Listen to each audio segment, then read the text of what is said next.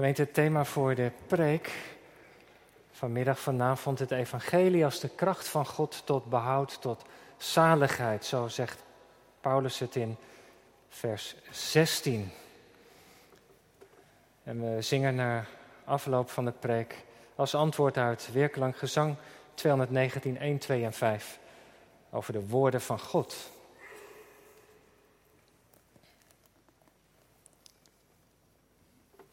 Het evangelie als de kracht van God tot behoud. Gemeente van de Jezus Christus. Heeft u wel eens die ervaring gehad dat een woord uit de schrift u diep raakte? Tijdens een dienst of een preek, toen u thuis de Bijbel las of toen iemand een kaartje naar u stuurde met een bemoedigende tekst erop. Het was het juiste woord op het juiste moment. Een beleidenistekst die langskwam, trouwtekst misschien, je dooptekst. Je las het, je kende het woord, maar ineens ging er een wereld voor je open en je werd erdoor geraakt. Je zag er iets in wat je nog niet eerder had gezien. Woorden die je vaker had gelezen, een psalm, een lied, dat je al vele malen had gezongen, maar ineens ging je hart ervoor open, was het alsof God tot u of jou sprak. Psalm 56 gaat een beetje over die ervaring. Ik heb het over de woorden van God. Ik heb het zelf uit zijn mond gehoord. Dat is dan zo'n doorbraak. Waar die psalmdichter het over heeft. En weet u, het is niet zo vreemd, zo'n ervaring. Want het is een van de mooiste dingen van de Bijbel. Dat het een levend boek is.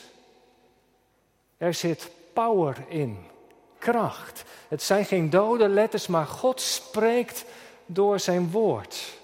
En dat kan je leven zo veranderen dat het op een ander spoor komt. Het kan je zo diep raken dat ineens alle zorgen van je afvallen.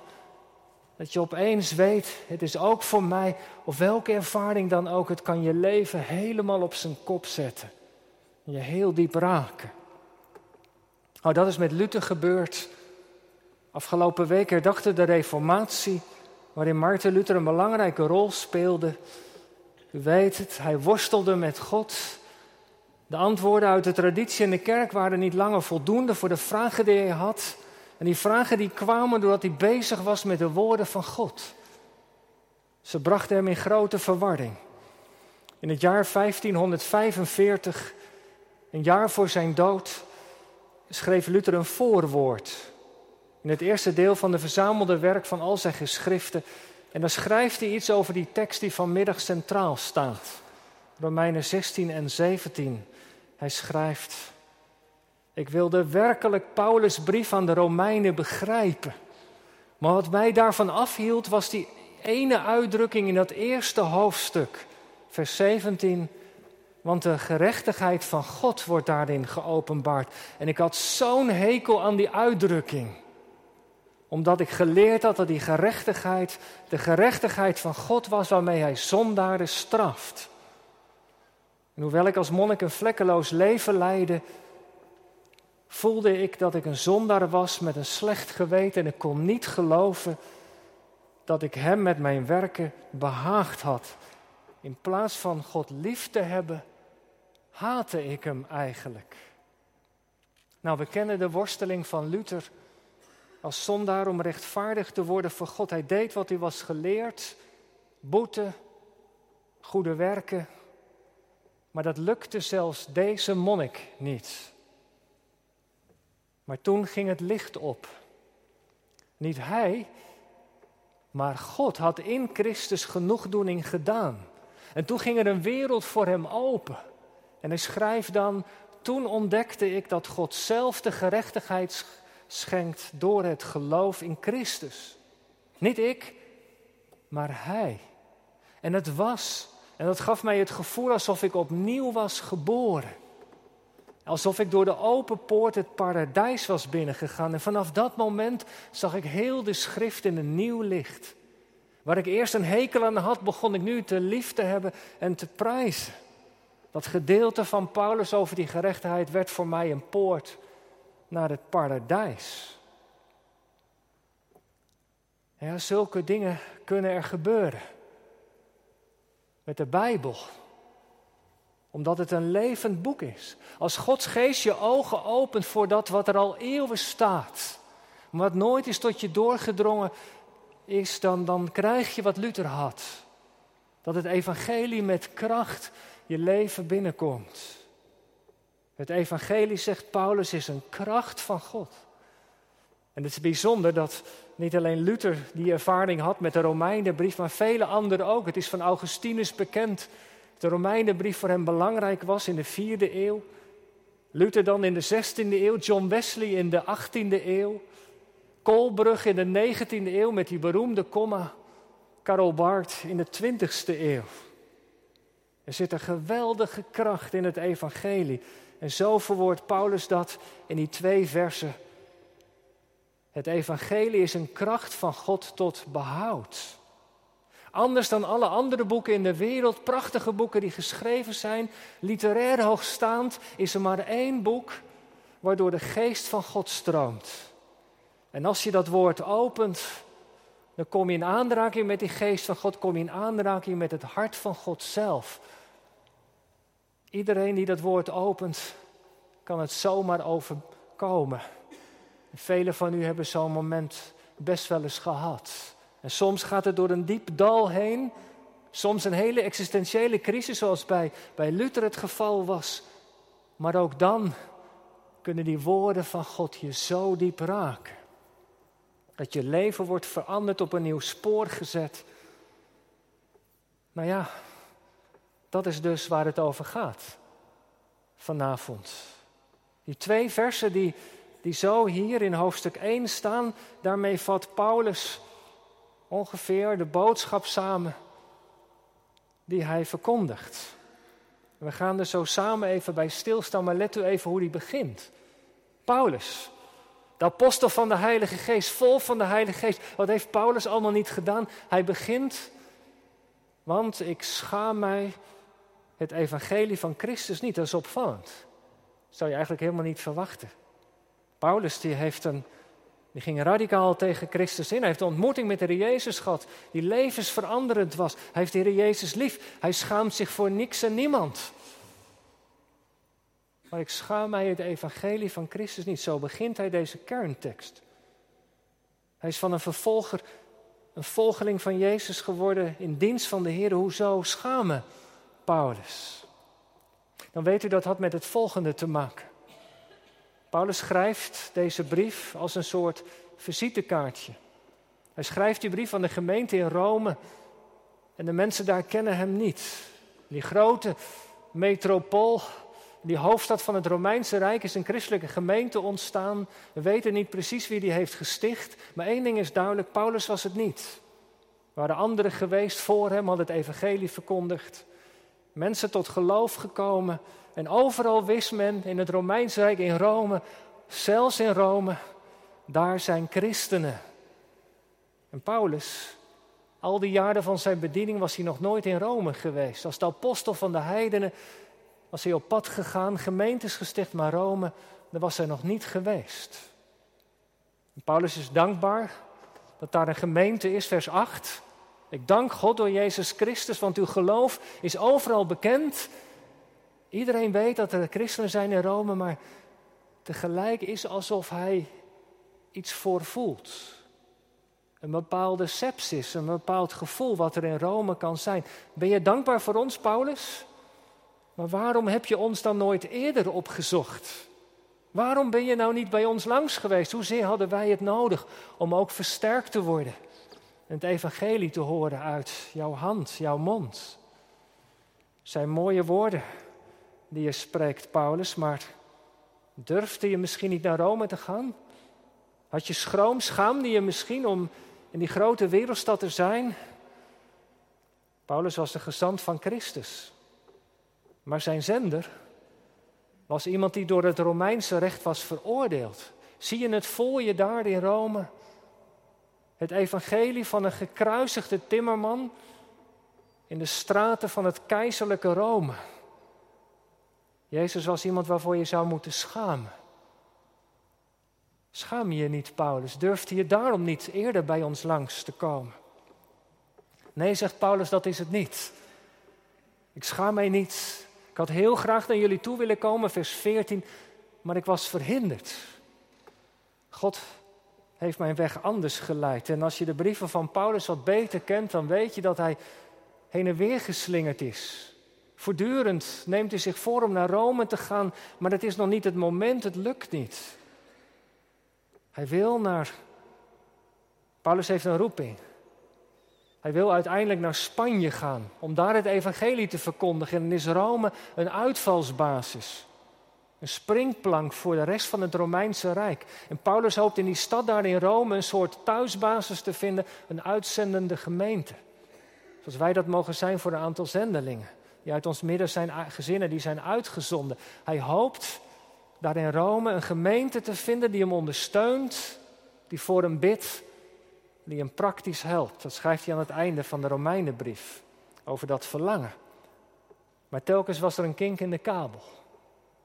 Dan wil hij naar Azië gaan, verhindert de geest dat. Dan komt hij in Macedonië, wil hij dan naar Rome gaan, maar dan komt hij in Athene terecht en dan, en dan komt hij in Korinthe terecht. En dan loopt zijn weg weer anders en dan zit hij twee jaar gevangen in Caesarea.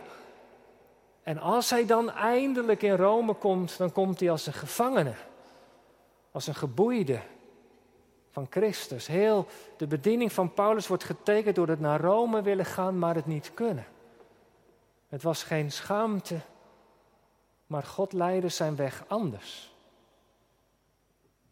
En nu, nu is het nog niet zo ver. Maar ja, zullen ze een zendeling gaan uitzenden die ze zelf nooit hebben ontmoet? Zou zomaar kunnen dat ze iemand gaan uitzenden. En er was nogal veel gedoe met apostel Paulus in het hele Romeinse Rijk. Met name bij de Joodse eh, gelovigen. Paulus heeft heel vaak moeten vluchten. Zullen we nou een ruziemaker in huis halen? Zullen we die nou als zendeling kunnen uitzenden? Nou, we bedenken ons wel. En Paulus schrijft een brief. En die stuurt hij alvast vooruit en zegt: Kijk, dit is het evangelie wat ik verkondig. Ze kunnen jullie daarvan kennis nemen. Paulus is het visitekaartje, of de Romeinenbrief is het visitekaartje van Paulus. Maar wat een kaartje.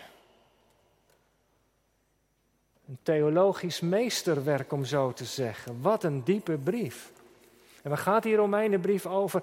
Die hele brief is een verhandeling over wie God is. Een verhandeling over de genade van God. Over wat God gedaan heeft, zijn plannen, zijn heilsplannen om in deze wereld redding te brengen door Israël, via Israël, in de Heer Jezus. In het evangelie dat Paulus mag verkondigen wat hij in deze brief verder ontvouwt, daar komt de kracht van God in mee. Gods gerechtigheid wordt geopenbaard. En dat heeft de apostel niet zelf bedacht. Het heeft oude wortels, het is allemaal. Het staat geschreven in de profeten. Habakkuk zelf sprak er al van. Nou, dan schrijft Paulus die brief. Maar wat is nou de kern?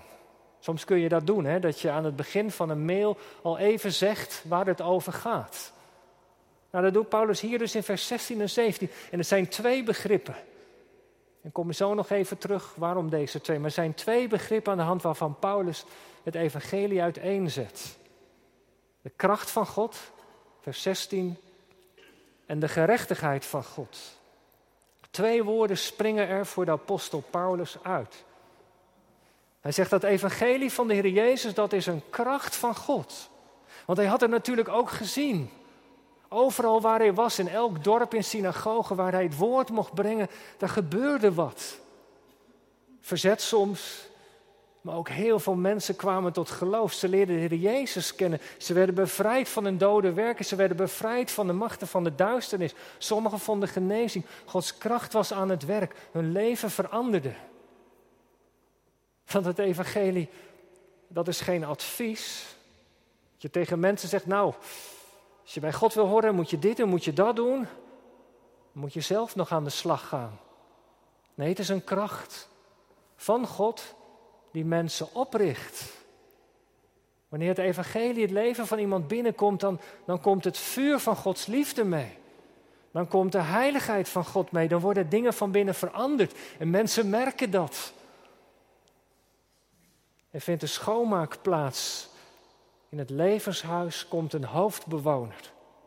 Jezus zelf, door zijn geest. Die kracht van God is werkzaam. Waar het woord maar gepredikt wordt, waar het woord open gaat, dan zitten we in het krachtenveld van God. En dat heeft een uitwerking, een doel, zaligheid.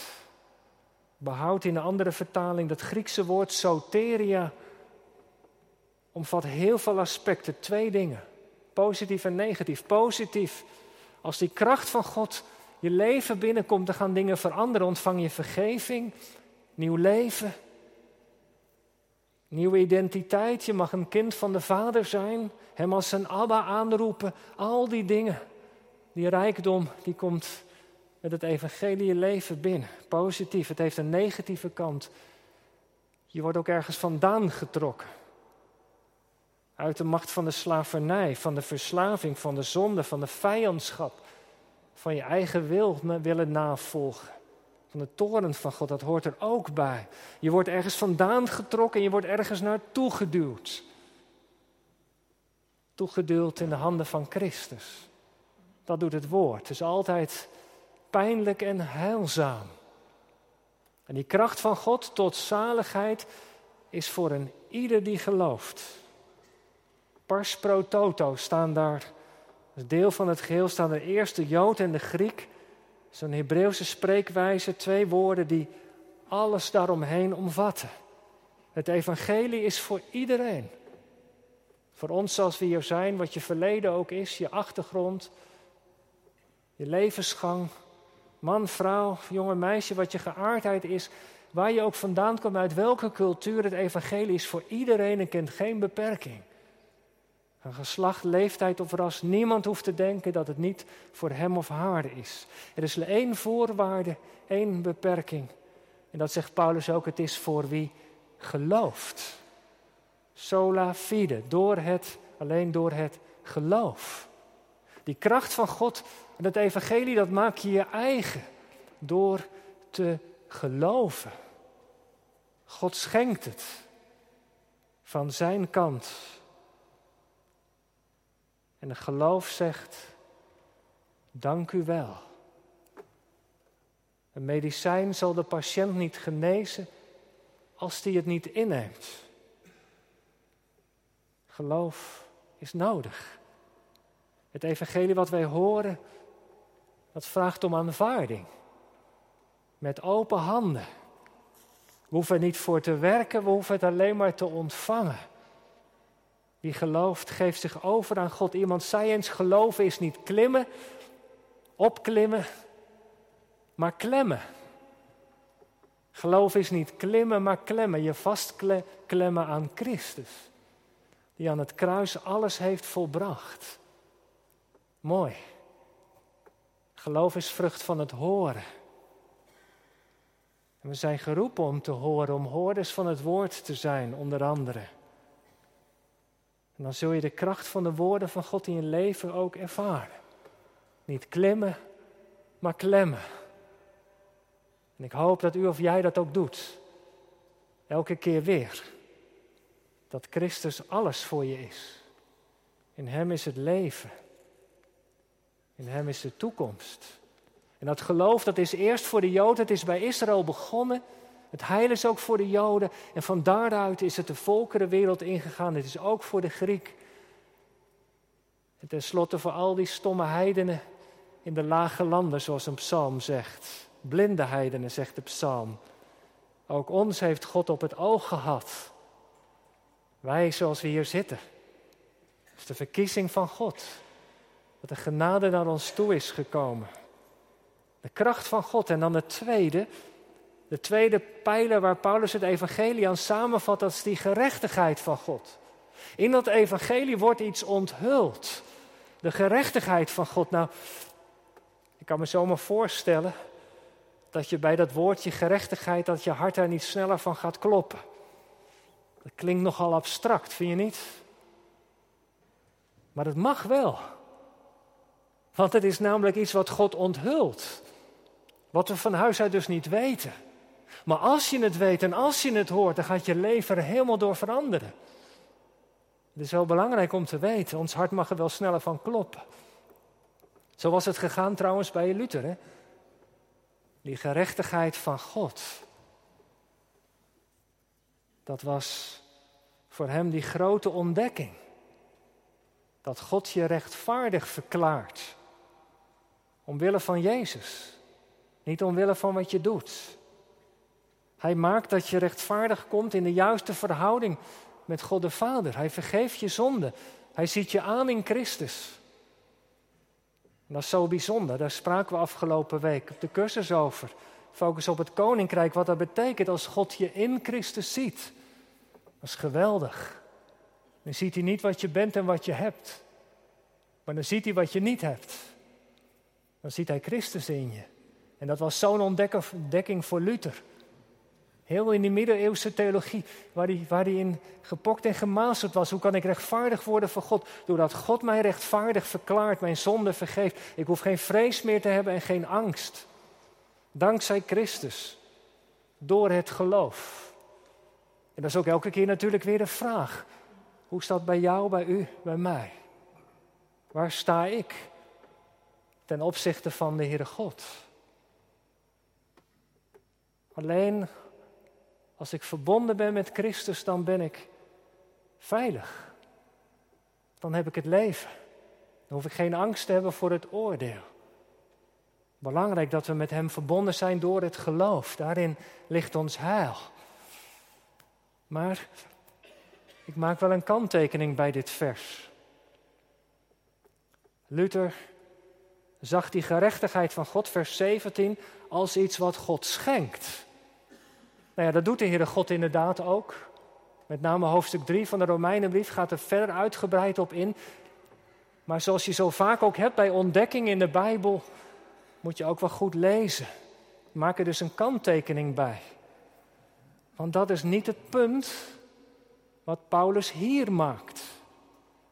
Die gerechtigheid van God, die diakosonet theou, dat is niet de gerechtigheid die God schenkt. Dat doet hij ook wel, maar hier is het de gerechtigheid van God als zijn eigenschap, het feit dat hij rechtvaardig is.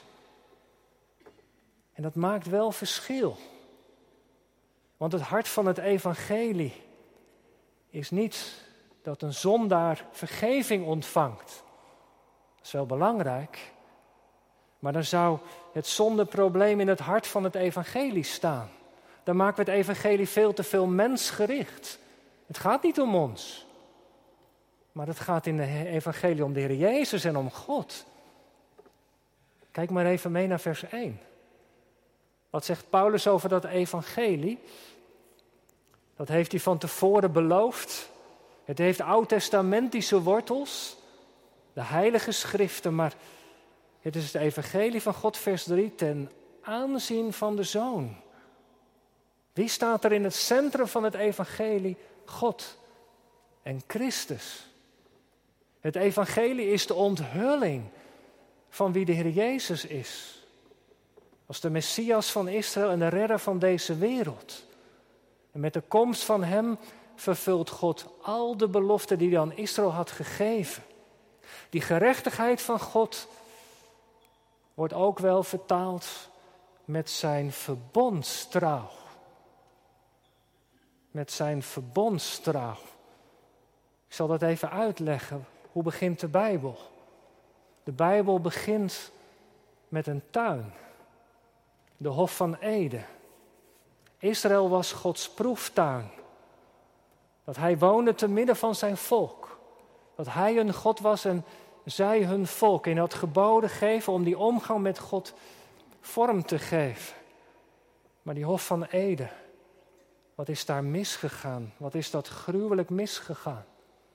De ongehoorzaamheid, de wantrouw, ontrouw aan de Heer. En toen heeft God een tabernakel laten bouwen, later een tempel. Maar dat is niet gelukt, het is niet gegaan zoals hij wilde. Israël beantwoordde niet aan dat doel. Die rode draad van het Oude Testament die wordt doorgetrokken naar het Nieuwe Testament. Die Hof van Eden, als dat verloren paradijs, dat gaat God aan het einde van de tijd herstellen. Is dat nieuwe Jeruzalem. Dat is de nieuwe Hof van Eden en ze komen allebei vanuit de hemel. Want God heeft één verlangen. Dat heel deze aarde vervuld wordt met zijn heerlijkheid. Maar dat kan niet. De zonde staat in de weg en wij zijn geen gloriedragers. Gods glorie kan de harten van Israël en van mensen niet vervullen. En dan komt het evangelie. Jezus is gekomen vanuit dat grote plan van God om deze aarde te gaan vervullen met zijn heerlijkheid. En dat evangelie van de Heer Jezus, zijn komst, is om dat probleem van de zonde aan te pakken. Zijn gerechtigheid, zijn verbondstrouw is dat God trouw is en wat hij al beloofd heeft. Weten we het nog? In die Hof van Ede zei God, ik zal vijandschap zetten. Tussen u en deze vrouw, tussen haar zaad en uw zaad, dat zei hij tegen de slang. En in de Heer Jezus is hij gekomen om de slang te vermorselen. Om de macht van de zonde, de dood en de duivel te breken. Dat is wat hij had beloofd. En Paulus mag dat evangelie onthullen. Dat wist Israël nog niet. En hij mag het overal gaan vertellen. God is trouw. Dat is zijn gerechtigheid, daar kun je op aan. Paulus is dus geen monnik uit de middeleeuwen die worstelt met goede werken. Paulus is een Jood uit de eerste eeuw die iets geleerd heeft van de gerechtigheid, de verbondstrouw van God. Dat hij doet wat hij heeft beloofd. En de komst van de Heer Jezus staat in dat kader. Want God is bezig om ons te vernieuwen. En deze wereld te laten worden zoals het was bedoeld in het begin. Weer een hof van Ede. Zijn gerechtigheid die onthuld wordt in het evangelie staat in dat kader van schepping en herschepping. Door de verlossing van de Heer Jezus. Ik moest denken aan een professor, professor van Ruler. Doceerde vroeger in Utrecht en die vatte dat samen. Hij zei, en ik denk dat het wel, wel, wel is in lijn met Paulus. In het evangelie draait alles om het kruis van Christus. De ontdekking van Luther. De vergeving van de zonde. De verzoening van onze schuld. Het draait om het kruis. Maar het gaat om Gods nieuwe wereld, om het koninkrijk. Om het leven voor Gods aangezicht. Heer Jezus is de deur, dat zei Luther, naar het paradijs.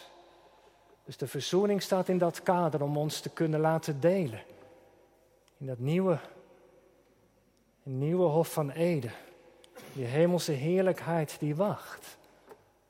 En daarom is het dus zo belangrijk dat het evangelie ook door ons wordt geloofd. En zo heeft Paulus het mogen verkondigen. En zo heeft het vele harten geraakt. En dan schrijft hij deze brief.